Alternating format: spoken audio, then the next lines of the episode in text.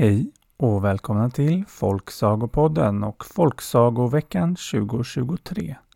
Där podden varje dag hela veckan släpper ett nytt avsnitt med ett nytt tema och en ny saga.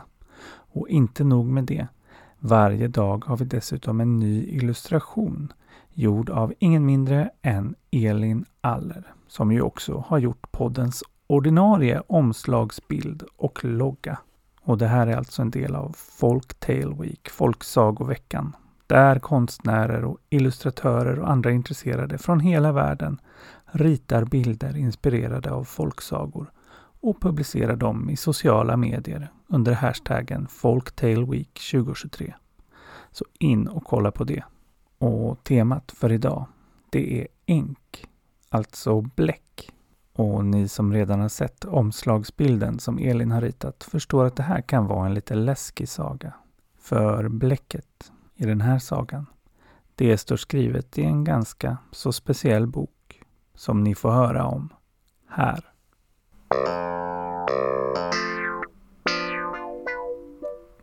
Det var en gång en soldat som bodde tillsammans med en soldatkamrat. Och den här kamraten, han, han hade lite konstiga intressen. Han var nämligen intresserad av svart konst. Och därför hade han en mängd underliga böcker som soldaten var ganska nyfiken på. Men han vågade inte titta på dem när hans soldatkamrat var hemma. Men så en kväll var kamraten bortrest och soldaten kände att nu kunde han äntligen undersöka de där underliga böckerna. Ja, det var som sagt en sen kväll och han tände ett ljus och tog den boken som såg allra mest mystisk ut. Det stod ingenting på framsidan och den var mycket tyngre än den såg ut att vara. Och när han öppnade den såg han att den var skriven i något mystiskt bläck som nästan såg ut att glöda i det svaga ljuset från ljuset han hade tänt. Och orden, de förstod han ingenting av. Det såg nästan ut som namn, men inga namn han någonsin hade hört.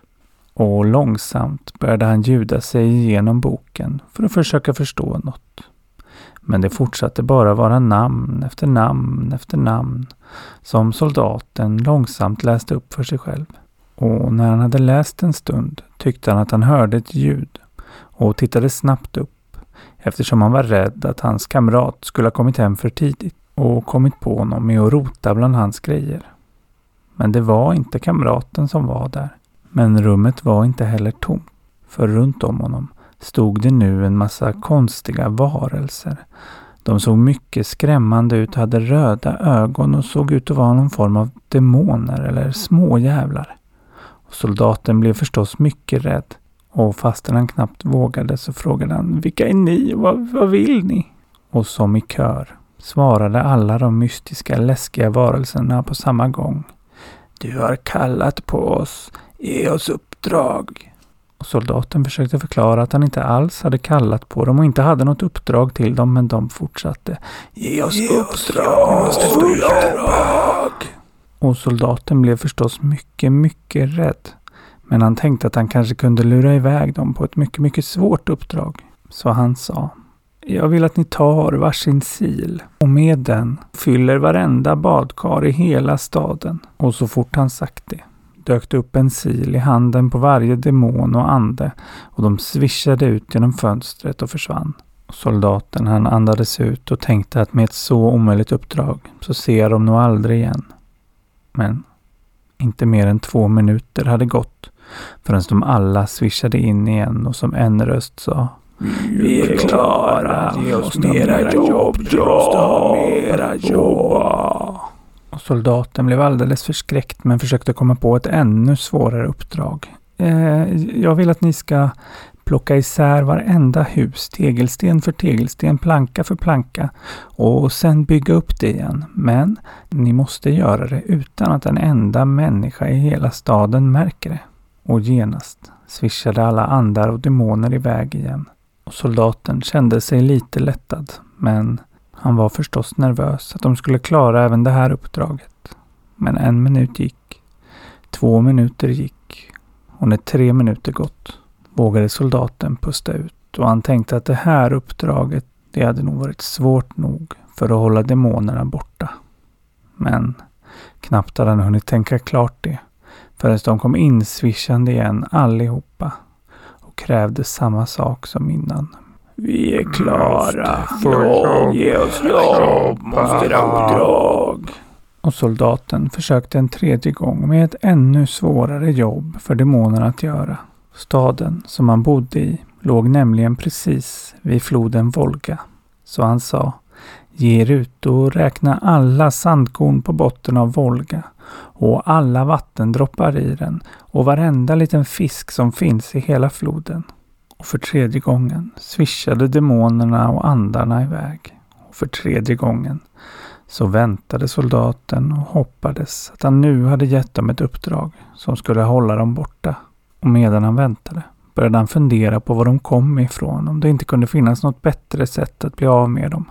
Och han förstod att det måste vara från den där hemska boken de hade kommit och kanske att det var där i svaret också fanns. Så han plockade upp den och fortsatte läsa där han hade stannat när han upptäckte de första demonerna. Så han fortsatte att läsa. Men ju mer han läste, ju fler andar och demoner dök upp i rummet. Och snart kom också alla de som varit ute och räknat sandkorn och vattendroppar och fiskar tillbaka insvischade. Så nu var hela rummet fullt av demoner och onda andar. Och en av dem sträckte fram en lapp med ett långt, långt tal på som visade att de faktiskt räknat alla sandkorn, alla vattendroppar och varenda fisk. Och nu krävde hela rummet mera jobb, mera jobb, ge oss uppdrag, mera jobb. De var så många att hela rummet var alldeles överfullt och alla skrek de och krävde jobb, jobb, jobb, jobb. Så högljutt att soldaten knappt kunde tänka. Och soldaten såg att de blev mer och mer otåliga och såg mer och mer arga ut. Och han förstod att han skulle vara i en riktig fara om han inte snabbt kom på något sätt att bli av med alla de här demonerna. Och han tänkte att svaret ändå måste finnas i den där mystiska boken med det glödande bläcket men att läsa mer i den verkade ju bara ta fram fler demoner. Det måste ju finnas ett sätt att backa. Och då kom han på en idé tog upp boken och började högt, så högt han kunde för att överösa alla demoner och andar som skrek om att få jobb och uppdrag, att läsa ur boken baklänges.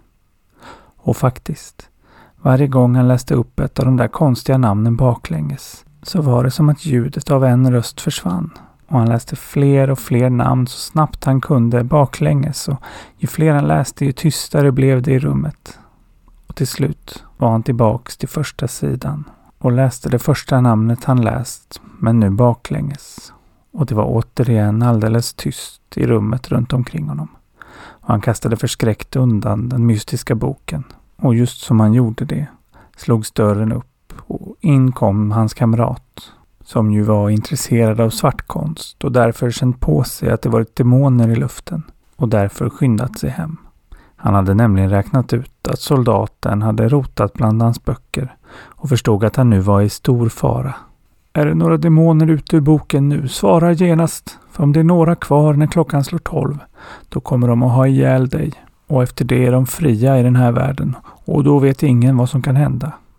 Men soldaten förklarade att han hade läst boken baklänges och alla demoner hade åkt tillbaks in i boken. Hans kamrat sa att det var verkligen i grevens tid och det var det. För precis då slog kyrkklockan en bit därifrån. Tolv slag.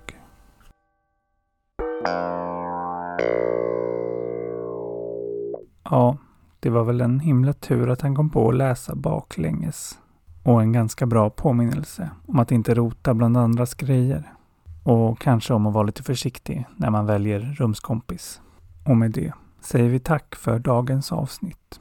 Och så hörs vi redan imorgon igen med ett nytt avsnitt, nytt tema, en ny saga och en ny illustration av Elin Aller.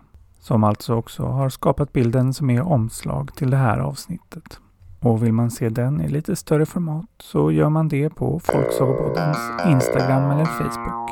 Där man också kan hitta länk till flera av Elins alster. Vi hörs igen imorgon och tills dess, lev lyckliga i alla era dagar.